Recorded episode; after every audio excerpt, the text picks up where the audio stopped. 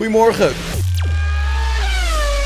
Viaplay is sinds vandaag beschikbaar in Nederland. En op deze debuutdag heeft de Scandinavische streamingsdienst direct een documentaire aangekondigd met Max Verstappen in de hoofdrol.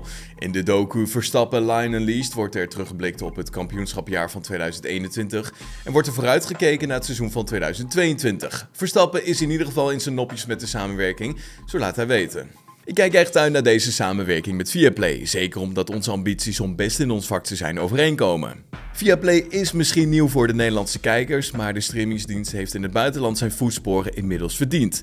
Het is fantastisch dat we een grote groep fans kunnen tracteren op unieke content die we samen al aan het maken zijn. Al dus, Max Verstappen.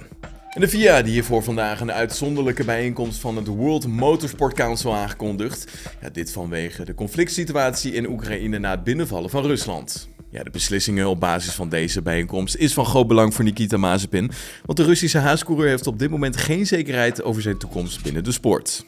Alexander Albon die vertelt op basis van zijn bevindingen tijdens de testdagen dat het volgen door de bochten enorm is verbeterd.